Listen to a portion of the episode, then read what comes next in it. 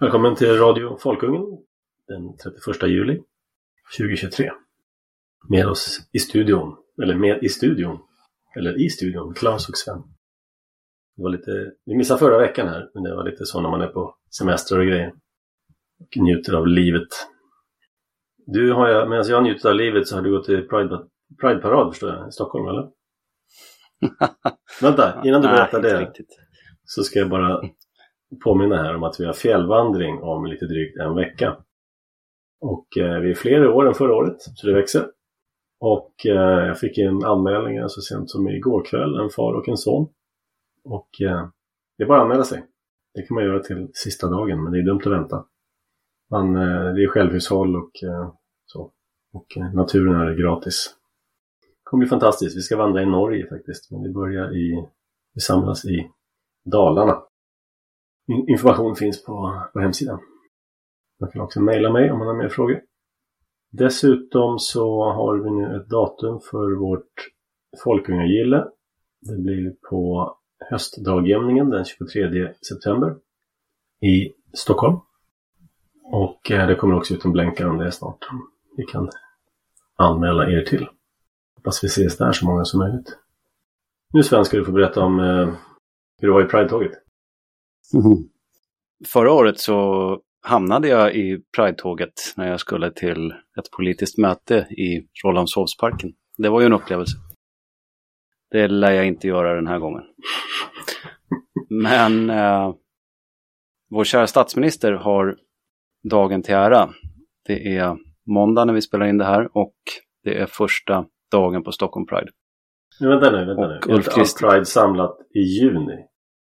Nej, nej, nej, nej, nej. Det är helt fel. Utan eh, jag tror i princip varje kommun har sin Pride-vecka och de är lite utsmetade under sommaren. Så att, ja, det är så man ska kunna täcka in hela liksom... sommaren och, och sådär.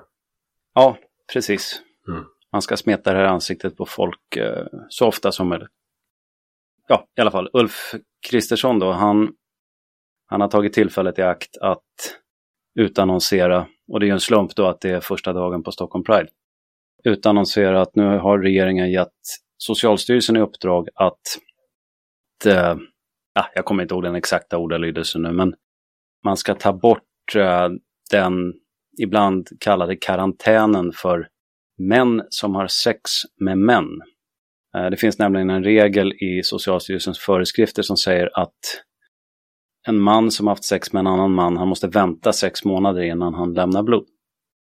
Och det här har ju med smittoskäl att göra då. Och eh, det intressanta här är ju att, att eh, Moderaternas partiledare nu aktivt går in och fiskar i den här gruppen så att säga. Man, man, man vill vara någon slags hbtq-vänligt parti då. Det här tillkännagavs på Ulf Kristerssons Facebook-sida. Komplett med en bild på han vid flaggstången med en prideflagga. Det är nästan övertydligt. Det, det, det är så fruktansvärt löjligt. Vilken tur att vi har en borgerlig regering nu, eller hur? Så, ja, let's not go there. Man kan ju tycka att det där eh, är liksom var och ens ensak. Uh, till stor del och i vissa avseenden inte det. Men, men uh, den här fixe, det är en total fixering. Vi, vi lever ju i ett samhälle som är mer sexualiserat än någonsin tidigare i världshistorien. Finns, men om, om man, jag vill påstå, att det finns inget exempel. Nej, men om man, om man tänker strategiskt här. Hur stor är denna grupp som man eh, böjer knä inför? Finns det så mycket väljare ens där att, att hämta in? Eller? Jag, jag fattar liksom inte grejen. Nej, men du kan ju säga så här. Det finns olika undersökningar då som anger hur hög andel av befolkningen som är homosexuella. Och det spänner från 2 till 6 procent.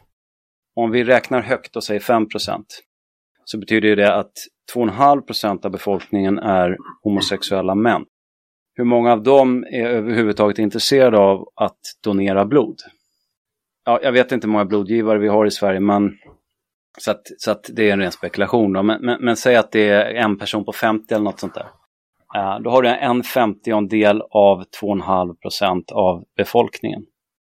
Det här är ju en icke-fråga egentligen.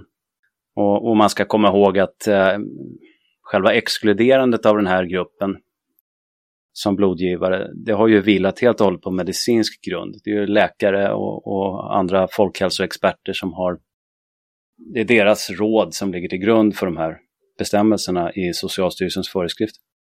Så att he hela frågeställningen är ju bara en, det är en symbolfråga. Helt enkelt. Så, att, Så att nu har det blivit en, en mänsklig rättighet att få prångla ut sitt blod? Precis. Det är också exakt den ansatsen jag har i den text som kommer publiceras på Folkungen mm. ja, någon gång närmsta tiden. Då. Att är det här att betrakta som en individuell rättighet hos donatorerna eller är det en kollektiv försäkring där det är mottagarna av blodets väl och ve som ska vara helt och hållet förhärskande när man gör riskbedömningar och så vidare. Så är det. Men, vet, jag, över till något... Jag bodde, jag bodde i USA här för några år sedan. Och eh, då skulle vi, vi hade en så kallad blood drive på jobbet. Kom blodbussen dit. Och sen bland alla som deltog i det här så lottade man ut ett, ett så presentkort på Amazon på 50 dollar. Företaget. Så att jag anmälde mig och skulle donera blod och skulle fylla i blanketten. Och sen så fyllde jag i att jag hade bott i Sverige. Och då blev jag nekad. Jag hade bott i Sverige. så då fick man inte donera blod i USA. Men eh, jag vann presentkortet i alla fall. Ja. Vilka ja. tider. Blodbussen kommer ju till, till, till Kista fortfarande, där jag sitter nu när det här spelas in. Vi får se hur länge till den kommer fortsätta komma, om jag mm. säger så. Ja, hela, hela Kista arbetsområde då är under förändring om man säger så. Så att, uh, ja. Ja, ja.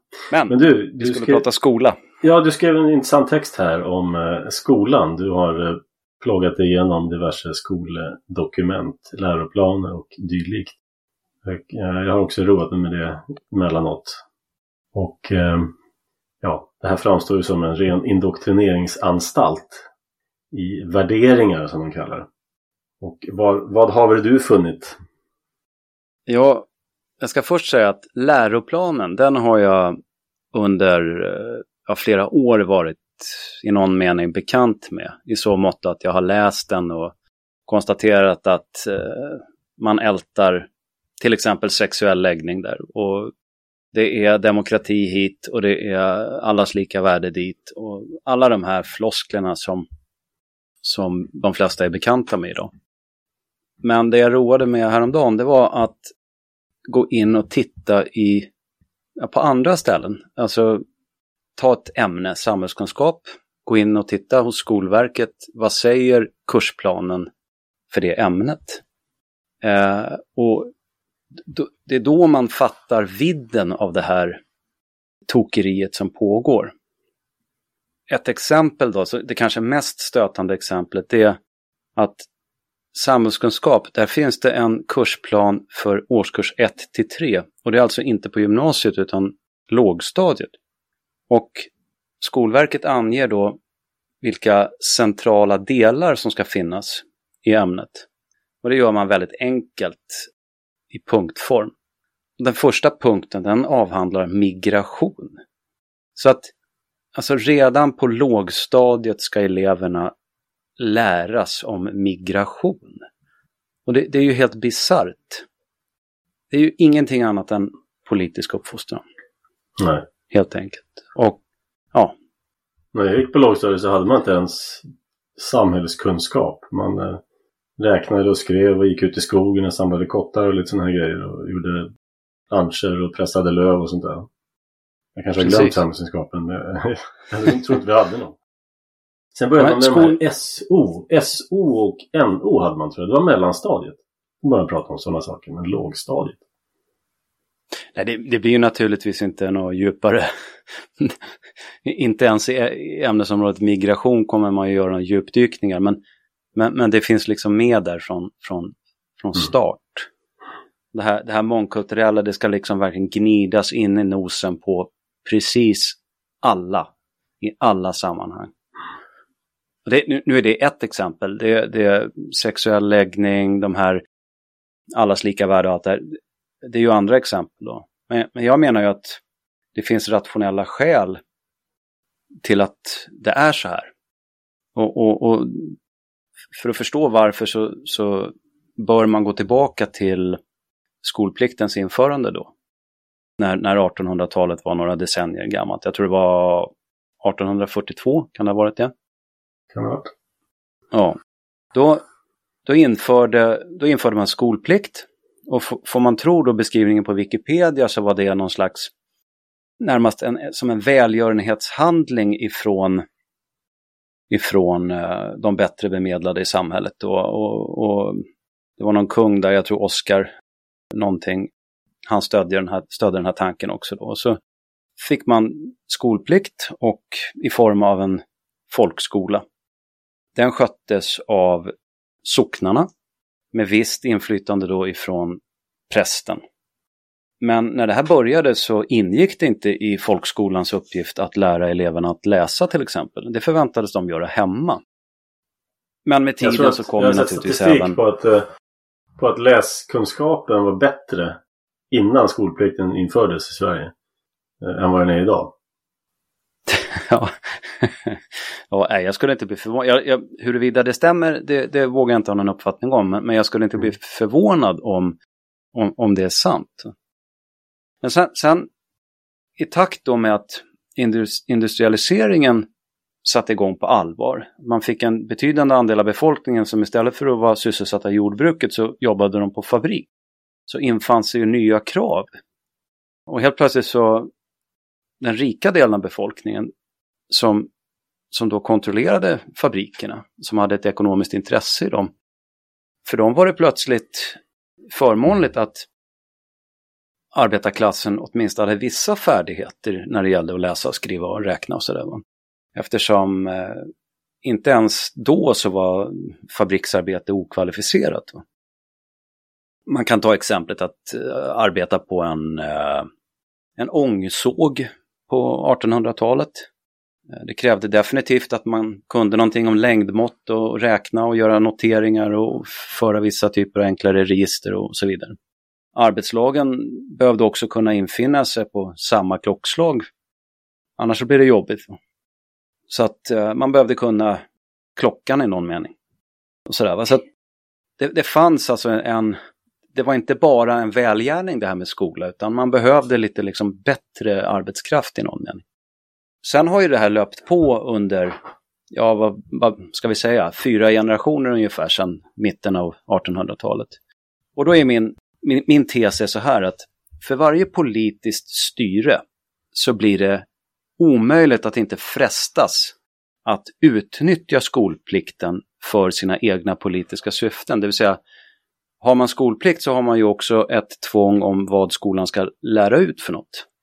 Och med tiden så kommer man se till att skolan lär ut sådana saker som man uppfattar kommer eh, göra de här uppväxande individerna till människor som i högre grad röstar på de politiska partier som företräder de här sakerna.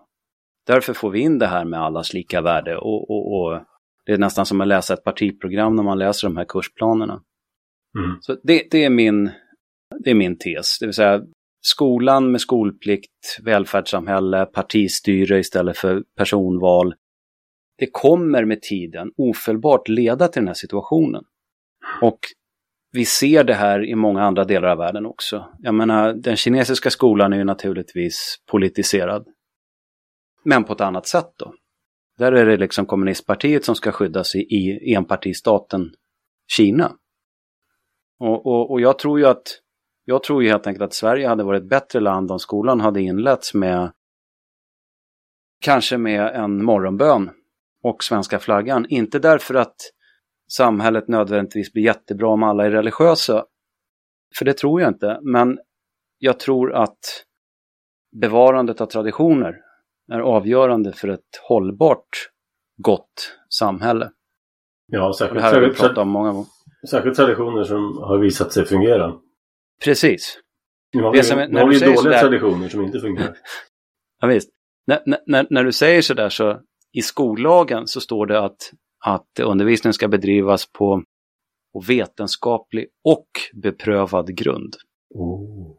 Ja, och då kan man ju fråga sig hur vetenskapligt är de här genusvidskepelserna som man håller på med. Det, det är ju liksom en pseudovetenskap som har letat sig in på högre lärosäten och, och jag tycker ju, jag som arbetar visserligen inte som akademiker då, men ändå arbetar i högskolans värld. Jag kan ju känna nästan en sorg inför hur, hur tysta och fega de riktiga vetenskapsmännen är inför alla dessa häxkonster som, som, som eh, finns på Södertörns högskola och liknande fake-universitet. Det tycker jag är, det, det är tragiskt alltså. Ja, det är inte direkt de modigaste människorna som jobbar på utbildningsinstitutioner, om man säger.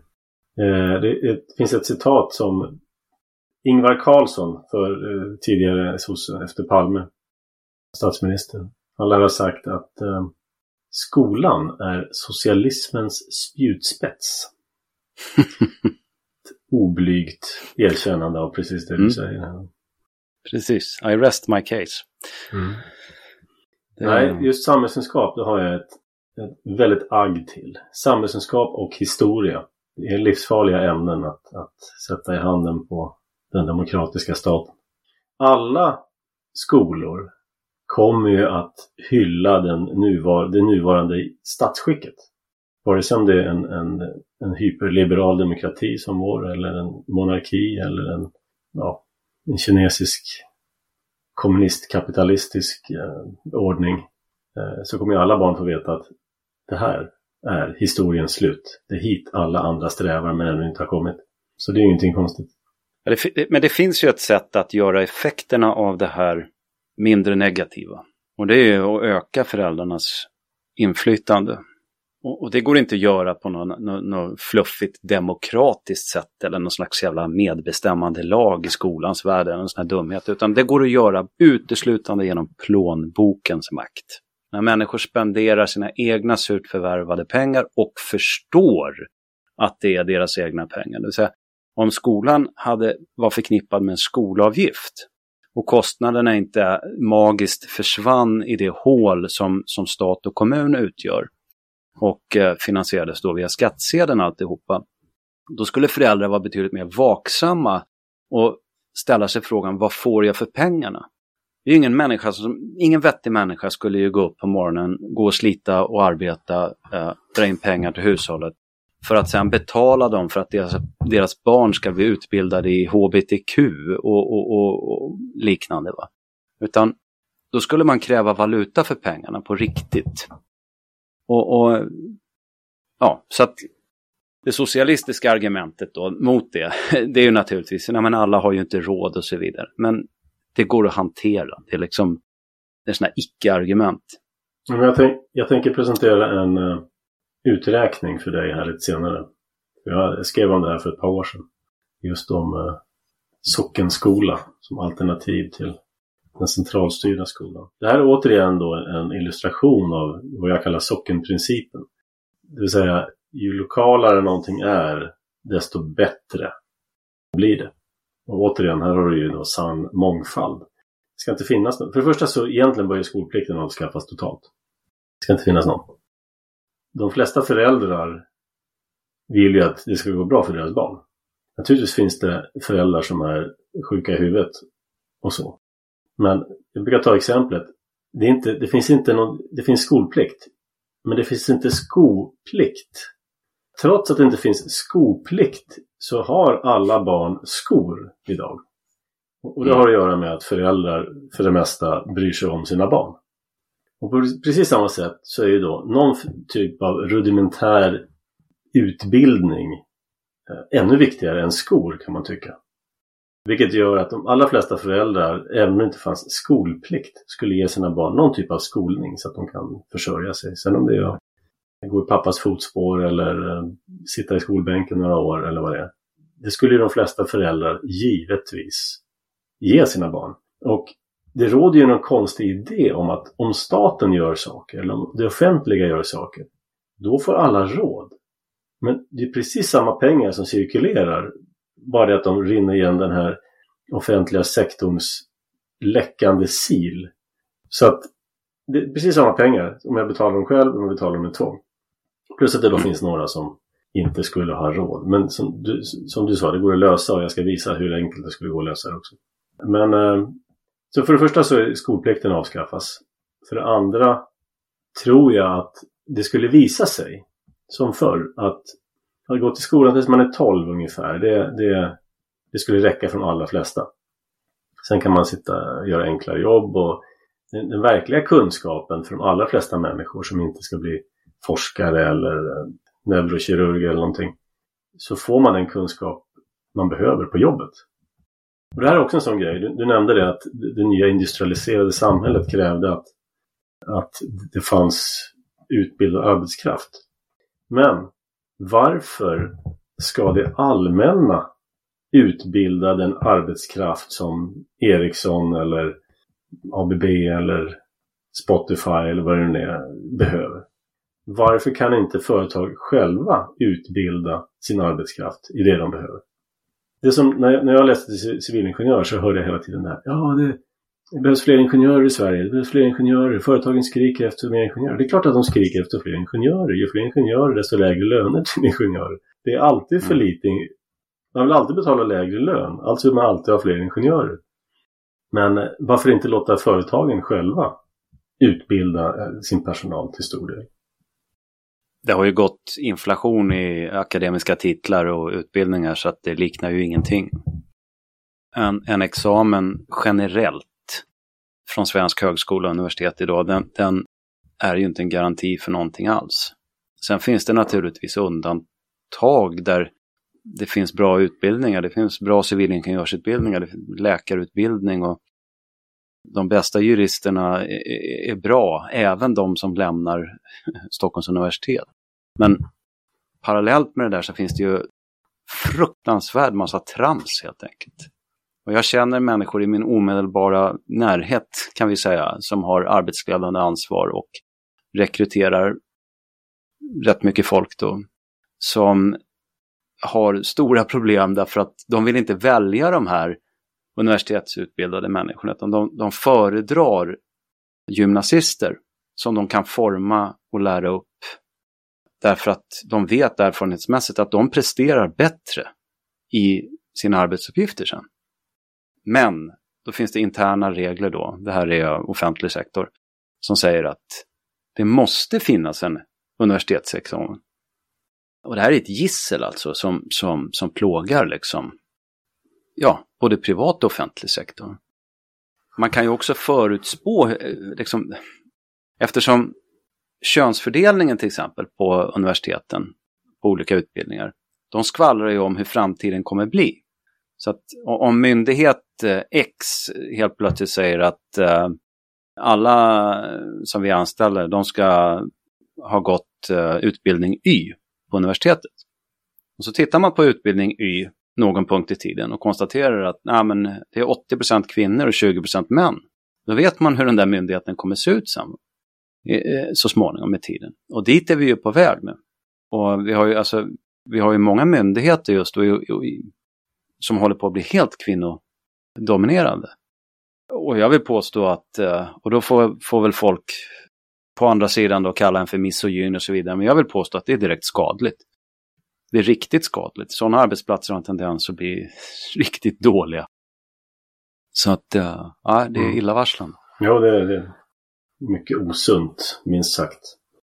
Och sen är ju det här, allt som är gratis, det kommer ju missbrukas allt som subventioneras det får man för mycket av mot vad som hade varit naturligt. Eh, och någonting som subventioneras i Sverige är ju också just högre utbildning. Det är som det heter gratis. Jag brukar säga, ja, enligt min bedömning så kanske 5% av de som går högre utbildning idag skulle göra det. Och resten skulle göra någonting annat. Ja. Då skulle man kunna höja nivån igen till, till vad det var. En annan sak är att Förr så fanns det ju en gymnasielinje som hette eh, gymnasie eller teknisk, vad heter den? Teknisk linje hette den. Och den var mm. fyraårig till skillnad från, det fanns tvååriga, treåriga och så den här fyraåriga då, teknisk linje. Och den var som att gå natur plus ett gymnasieingenjörsår. Så när man tog examen från fyraårig teknisk, då var man gymnasieingenjör.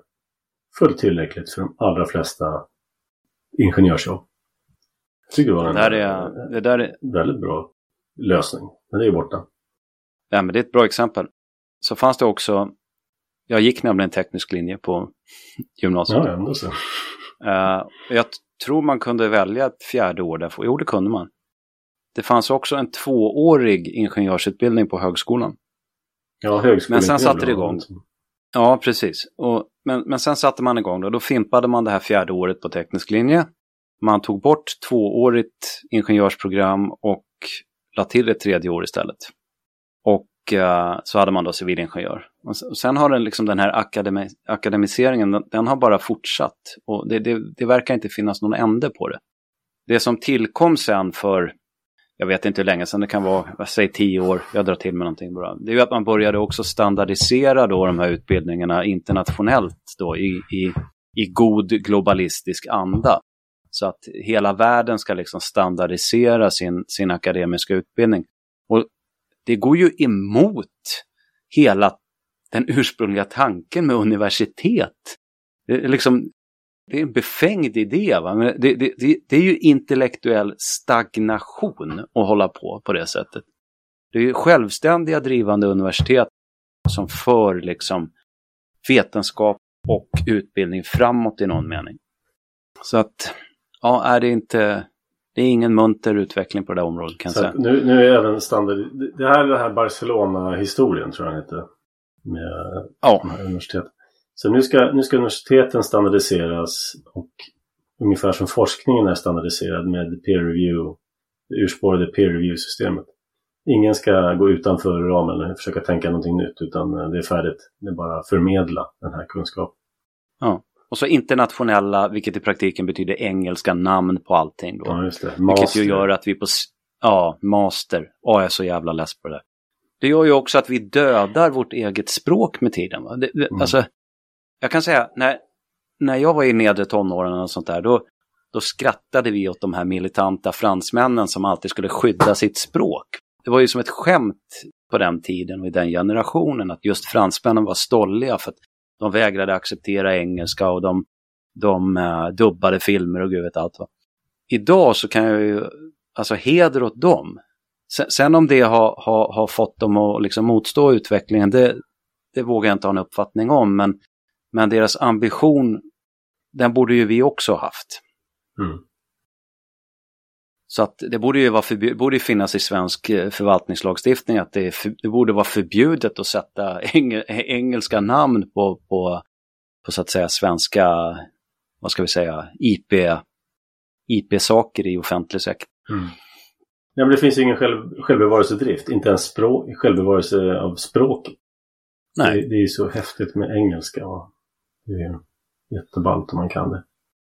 Jag, jag tänkte på det här med skolan mina barn är ju vuxna och jag har rekommenderat dem min dotter, två av familjens barn, de har arbetar hantverksyrken. Men min dotter hon har pluggat vidare då. Och hon har frågat och fortsätter att fråga om råd då. Hur ska jag göra och så här. Va?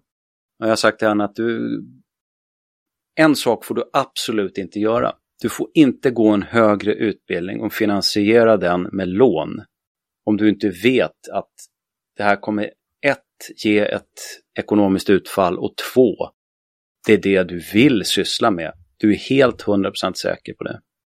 För att om, om något av de där två sakerna fallerar så kommer det vara den sämsta investering du har gjort i livet. Hur har du gjort? Nej, men jag har ju tre barn. Och jag har ett som har läst till ingenjör.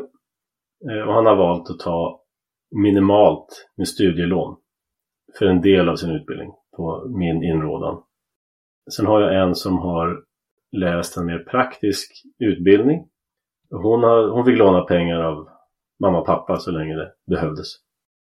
Och sen har jag en till då, den minsta som också läste en praktisk, lite praktiska utbildningar. Det har vi också hjälpt till med. Just för att de inte ska börja livet med, med skulder som de aldrig kan betala tillbaka. Och mm. för att de ska känna att det här är någonting. De känner ju då om de lånar pengar av mamma och pappa. Sen om de behöver betala tillbaka det eller inte. Det, det, ja. Men de känner i alla fall att det här är pengar som man får vara rädd om. Jag har ju sett så många fall där aha, nu, nu får jag plugga på så kallad högskola och då får jag CSN som det heter. Jag får CSN. och sen så kör man det, det här var ju kul, jag läser ett år, jag läser lite kulturgeografi, jag läser lite biblioteksvetenskap, jag kanske, jag kanske ska bli lärare. Det var det lätt att komma in. Och så radar man upp de här fem eller sex åren eller vad man nu kan få från CSN. Och sen sitter man där, häcken full av lån som man aldrig, mer kom, aldrig kommer ta tillbaka. Ja.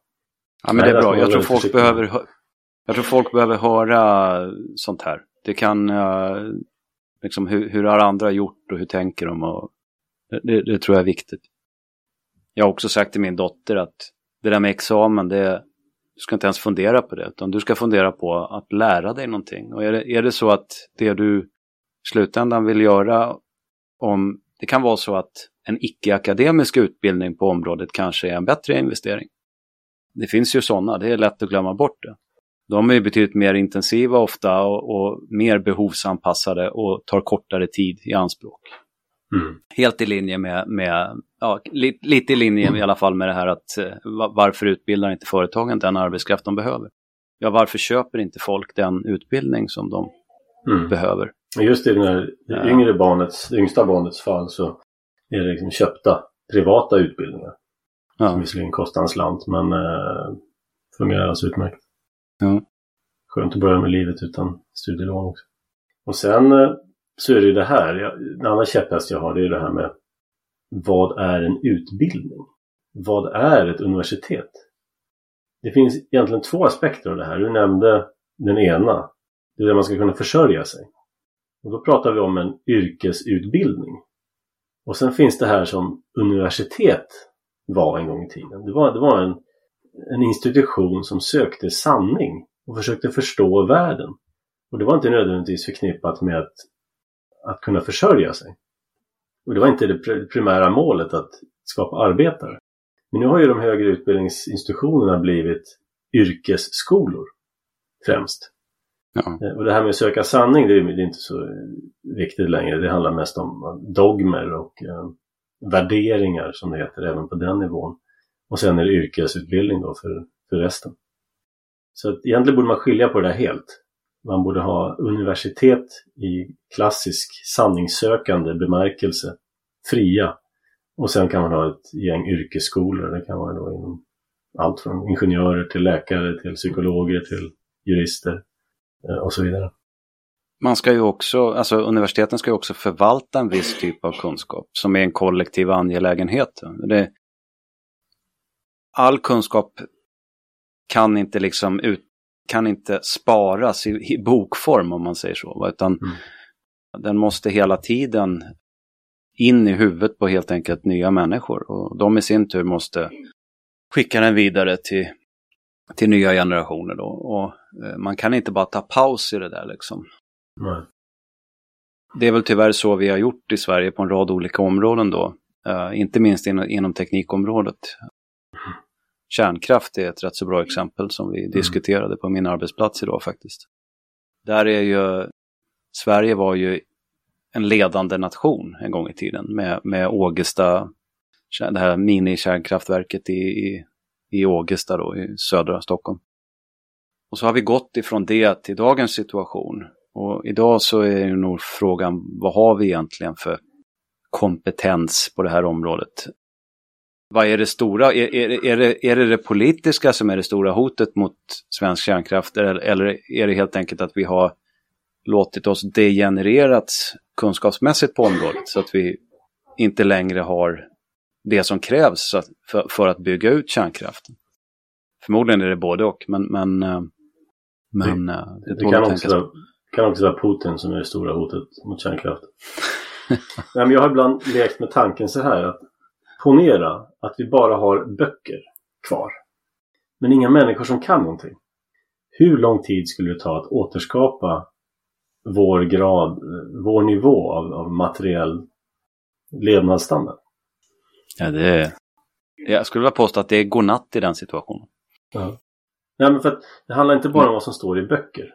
Hur en atom är strukturerad och sådär. Utan det handlar om människor som kan saker, som kan tillverka verktyg, som kan tillverka maskiner, som kan...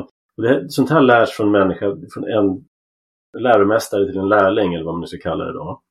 Mm. Eh, det är ingenting man läser sig till. Utan det är någonting som man lär sig av någon annan. Och det är det jag menar också företagen. Det är där man lär sig på sitt riktiga jobb hur saker och ting fungerar på riktigt. Viss teoretisk kunskap ja, är, är bra, men det mesta sitter ju i liksom det praktiska. Jag tänkte, jag skrev en, en text här för det är två år sedan nu. Jag har på med Folkungen ett tag. Och den, heter, den är från 22 maj 2021. Rubriken är Sockenskola. Tryggt, billigt och effektivt. Här går jag igenom då hur det ser ut i kommun, en kommunbudget. Huddinge, en av Sveriges största kommuner. Jag skriver att av de 113 000 invånarna arbetar 6 700 för kommunen, vilket motsvarar 5 procent av invånarna. Lärare och dagispersonal är tillsammans 18 personer och utgör 26 procent av kommunens anställda. Och sen finns det en nämnd som heter Grundskolenämnden som förvaltar budget för grundskola, fritids, särskola och byråkraterna i sagda nämnd. Och Grundskolenämnden, vi pratar bara grundskola här, inte gymnasiet. Det är en annan jättepost. Den har en budget på 1,7 miljarder. Och den kan man fördela då på de drygt 16 000 eleverna så blir det 9 000 per elev och månad. Tänk dig då att du har en skolklass på 30 elever och det är ungefär 10 000. Det är alltså nästan 300 000 per månad för att driva en skolklass. Till vad då? ja, herregud.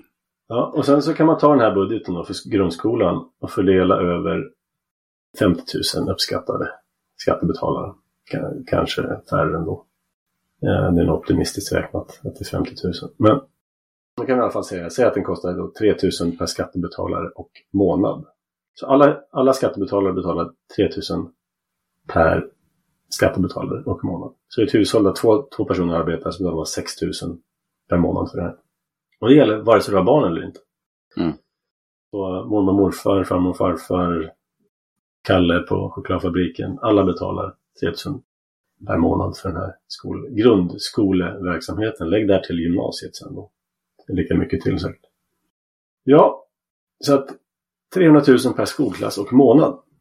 Men om vi nu tänker att vi tar loss den här skolverksamheten ur kommunens våld och återför den till kvarteret eller till socknen.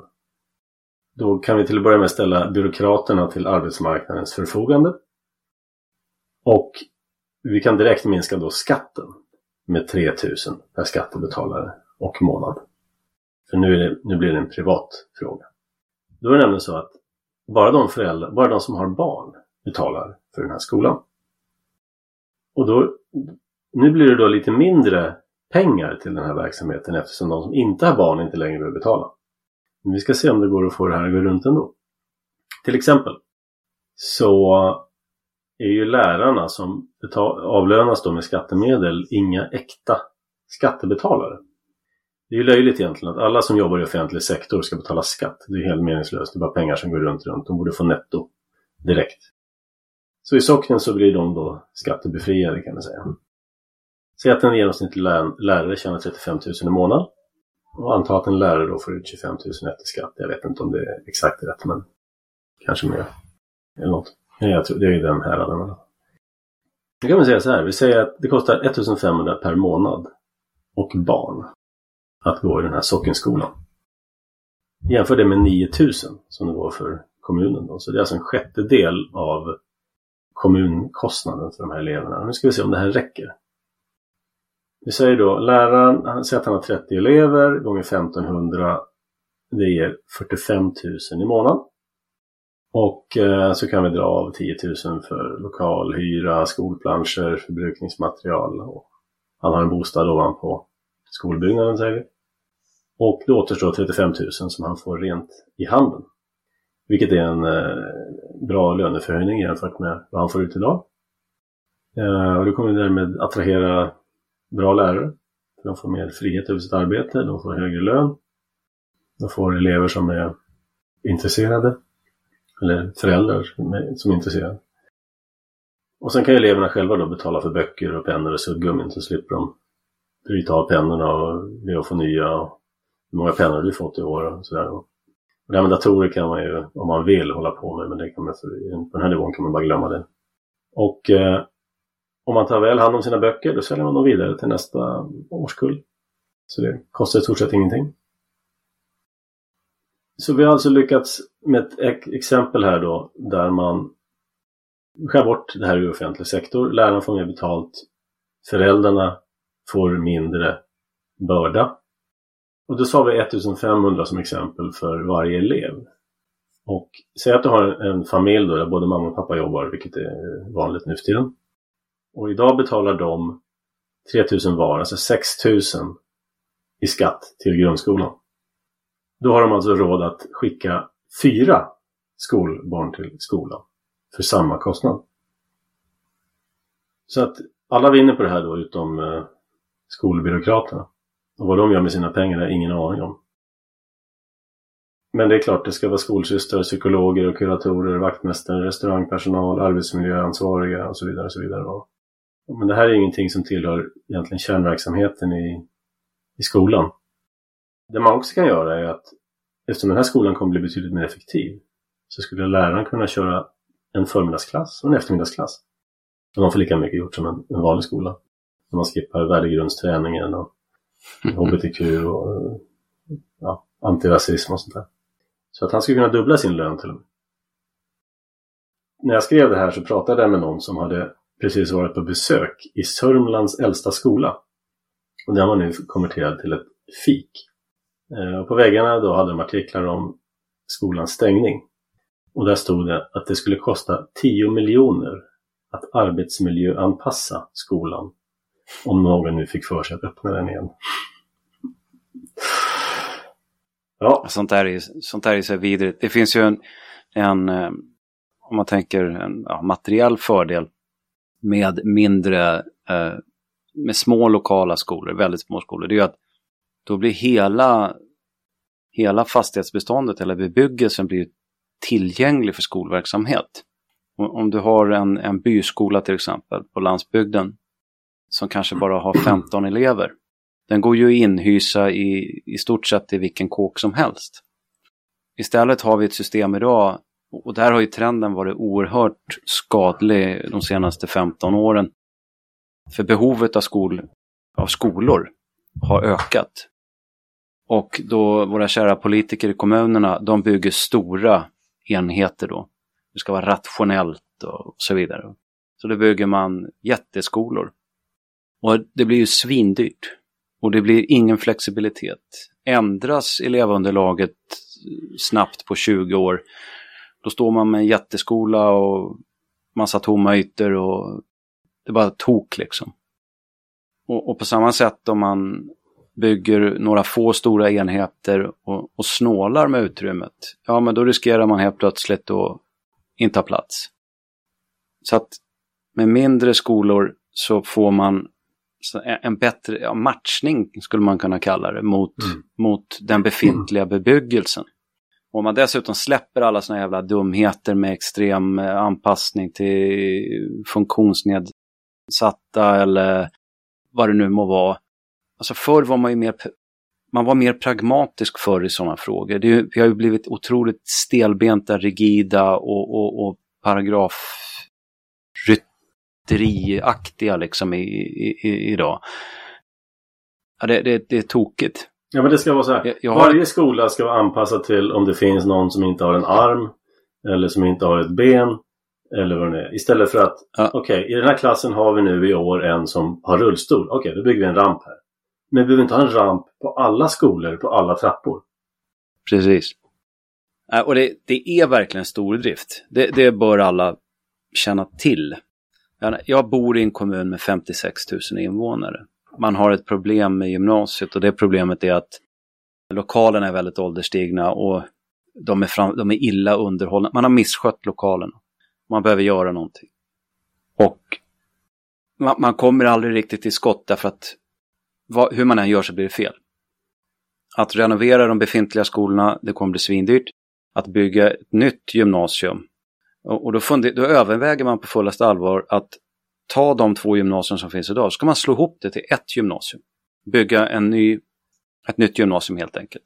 Kostnaden för det är långt över en miljard. 56 000 invånare som sagt. Och det skulle gå i storleksordningen jag tror det var 1500 elever eller någonting på det gymnasiet, om det skulle bli av. Om man då jämför det med de största gymnasierna i Stockholm, i Stockholms stad, då är de mindre än vad det här gymnasiet skulle bli då. I den här kommunen som ligger 50 mil ifrån Stockholm.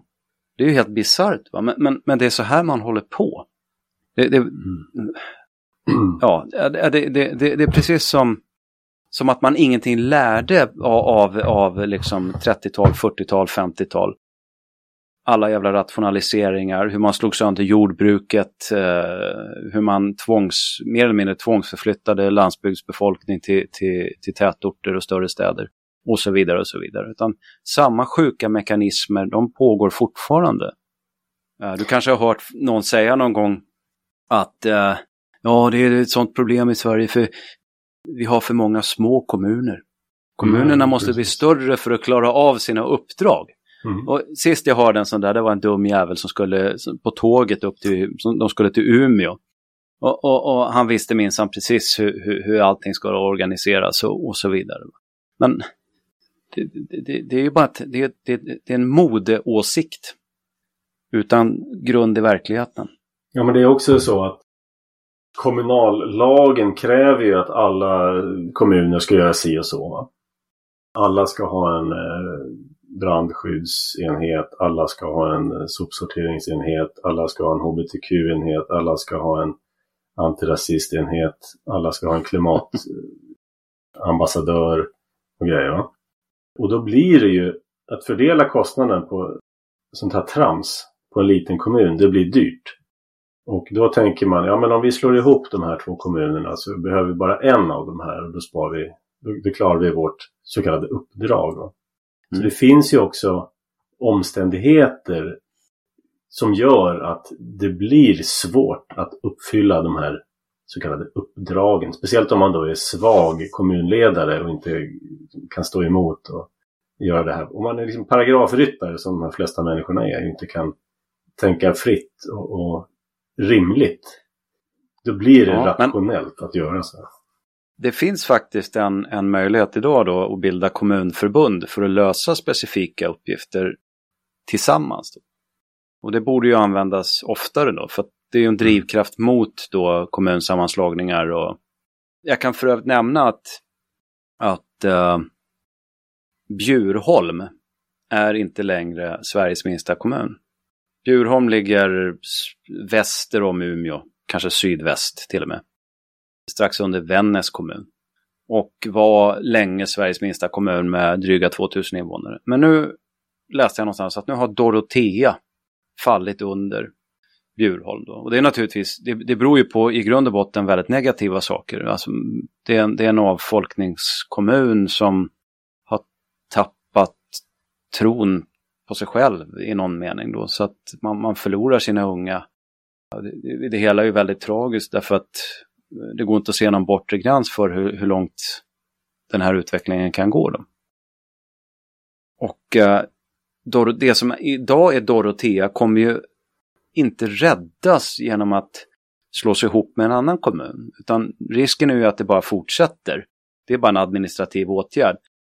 Men frågan är vad som kommer hända om de här kommunerna helt och hållet faller under kritisk massa i någon mening. Så att de, de upphör att klara av lagstadgade arbetsuppgifter då, som, som, alltså sånt som de måste tillhandahålla. Mm. Jag tycker att det, det kan förmodligen komma någonting gott ur det trots allt. Det är tråkigt för Dorotea, det är tråkigt för, det är tragik för, för invånarna i Dorotea, men det kommer i alla fall ge chansen till en debatt om hur man ska hantera de här frågorna. Det kan ju bli som man brukar göra när, när kommunerna inte längre kan uppfölja, uppfölja sina uppdrag. Vi förstatligar Dorotea. Vi ställer det direkt under Sveriges regering. De får en god Sätter man. Dem under... Ja, precis vad jag skulle säga. Nej, men, men, men den, här, så, så ska... den, här, den här polissammanslagningen funkar inte. Eh, då måste den bli statlig istället för regioner. Kommun, kommunala skolan fungerar inte längre. Då måste skolan bli statlig igen. Då kommer den fungera. Vården fungerar inte längre. När vi ska ha en, en, en statlig vårdgeneral som tar över, då kommer det fungera. Samtidigt så får ju då eh, elever i skolan på gymnasiet och, och kanske framförallt på universitetet, de får ju lära sig att äh, ja, men vi har kommunalt självstyre i Sverige och det där är ju det är en sanning med modifikation. Oh ja. Första eller andra paragrafen är... i regeringsformen. Är ja. Mm. Ja. Bra. Ja, det var det om eh, skolan. Ja, och här måste man ju som förälder naturligtvis gripa in och vara medveten om vad, vad som pågår. Eh, också med tanke på det här prideriet vi började med. Jag som förälder var ju alltid extremt noga med vad de tutade i mina barn då, speciellt i ämnen som samhällskunskap och historia och biologi. Så vi brukade ha lite vi brukade ha diskussioner där hemma. Ja, vad har ni fått lära er idag? Och då fick man då tillfälle till att eh, korrigera då, och eh, avprogrammera och sådär. Så att eh, det ledde till många intressanta samtal och diskussioner. Så att mina barn är ganska så eh, de är rätt kritiskt tänkande. Inte för att skolan har lärt dem det utan tvärtom. utan för att eh, de fått lära sig det hemma helt enkelt. Och nej, men min, min dotter blev ju, eh, hennes bröder är lite äldre, men min dotter, hon blev, jag tror det var, sko, det var skolan själv som lyckades vaccinera henne mot tron på att eh, överheten har alltid rätt. Va? Mm. Uh, hon såg igenom det där själv, kanske inte, kanske mer intuitivt än, än, än liksom som någon slags intellektuell tankeprocess. Men alltså hon, hon kände att det här är liksom, de försöker tuta in med massa grejer som jag varken har behov av eller, eller egentligen bör lyssna så mycket på. Och, och, så tror jag många känner. Jag tror till exempel att eh, en positiv konsekvens av invandringen, en av de få, det är att skolan tvingas ta hand om människor som ifrågasätter de här västerländska sekulära sanningarna. Det tycker jag är oerhört. Eh, jag har en arbetskollega som brukar vittna om eh, sina döttrars eh, skolgång och, och säger att eh, det, det, är helt enkelt för jävla bra att de här invandrarpapperna på, på föräldramötena öppnar käften och, och, och, och protesterar helt enkelt. Så det, det, det, det är ju positivt. Va? Men, men jag behövde nog aldrig skadereglera så som du beskriver. Däremot så pratar vi om det mycket idag faktiskt. Det, det gör vi. Så att, men, men det tror jag alla, ett råd till alla småbarnsföräldrar är att uh, särskilt i dessa tider, ni måste ha örnkoll på vad de håller på med i skolan. Mm. Det, är bara, ja, måste, det, det, är så jäkla tok, ja, det, är så, det, är, det är så tokigt idag. Vi tog hand om en pojk i, under en tid och då hade vi liksom varit borta från allt vad barnprogram på tv heter i, i liksom tio års tid. Och helt plötsligt så stod tvn på med, med eh, ja vad heter det nu Barnkanalen. Jag vet inte ens om den finns längre, jag tittar inte på tv. Men, men, men då, han ville ju titta på tv då naturligtvis. Och så när vi liksom såg vad de, vad de sände för något, det var ju helt fullständigt stolligt alltså. Mm. Och, och, och det här som människa, det här fönstret när man konsumerar barnprogram, det är ju rätt så kort. Jag menar, som barn tittar du då på barnprogram, så blir du vuxen och så får du egna barn. Och beroende på hur många barn och över hur lång tid du får dem så, så tittar du mer eller mindre på mycket då på, på, på barnprogram igen. Men så fort dina barn har blivit så pass stora att de inte tittar på barnprogram längre, då blir ju det där en, en värld som du inte har någon insyn i längre. Så att, eh, och, och medans du så att säga inte tittade på det där så kan det hända enorma förändringar. Va? Så att uh, man tyckte liksom att eh, små barn skulle läras om homosexualitet och uh, det satt små flickor med slöj. Det, det, var ena kvällen. Va? Sen nästa kväll, det, då hade man en, en ung flicka med, med, med, med liksom massa islamska attribut i sin klädsel, och inklusive slöja, som var det framträdande inslaget. Såna här, alltså det, det går inte ens ihop. Det är in, utöver att vara tokigt så är det inkonsekvent liksom. Mm. Men det är väl det ja. som är berikning då, jag vet inte. Ja, det är väl det. Svensk skola har förvandlats till livets hårda skola kan man säga. Men jag, jag träffade faktiskt en eh, 15-årig ung man här för några dagar sedan. Så jag, jag frågade, pejla läget lite grann. Hur, hur är det i skolan? Hur, hur känns det att vara en svensk kille i en skola idag? Och eh, det han berättade var väldigt eh, uppmuntrande. De är fruktansvärt trötta på det här med invandringen. Så det här kan eh, skapa en extremt radikal generation. Ja, det får vi hoppas. Um, så att de, de köper inte det här. Så det är spännande. Det, det var positivt. Ja, vi slutar med ett något positivt. Ställe. Ja, det är ett bra ställe att sluta på också. Mm. Efter vår timme här i interneteten. Påminner återigen om fjällvandring.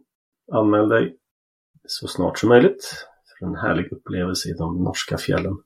Och eh, också reservera datumet, vad sa jag nu, i september den eh, 23 sa jag. Lördagen den 23 september i Stockholm.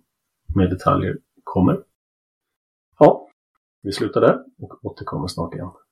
Hej så länge!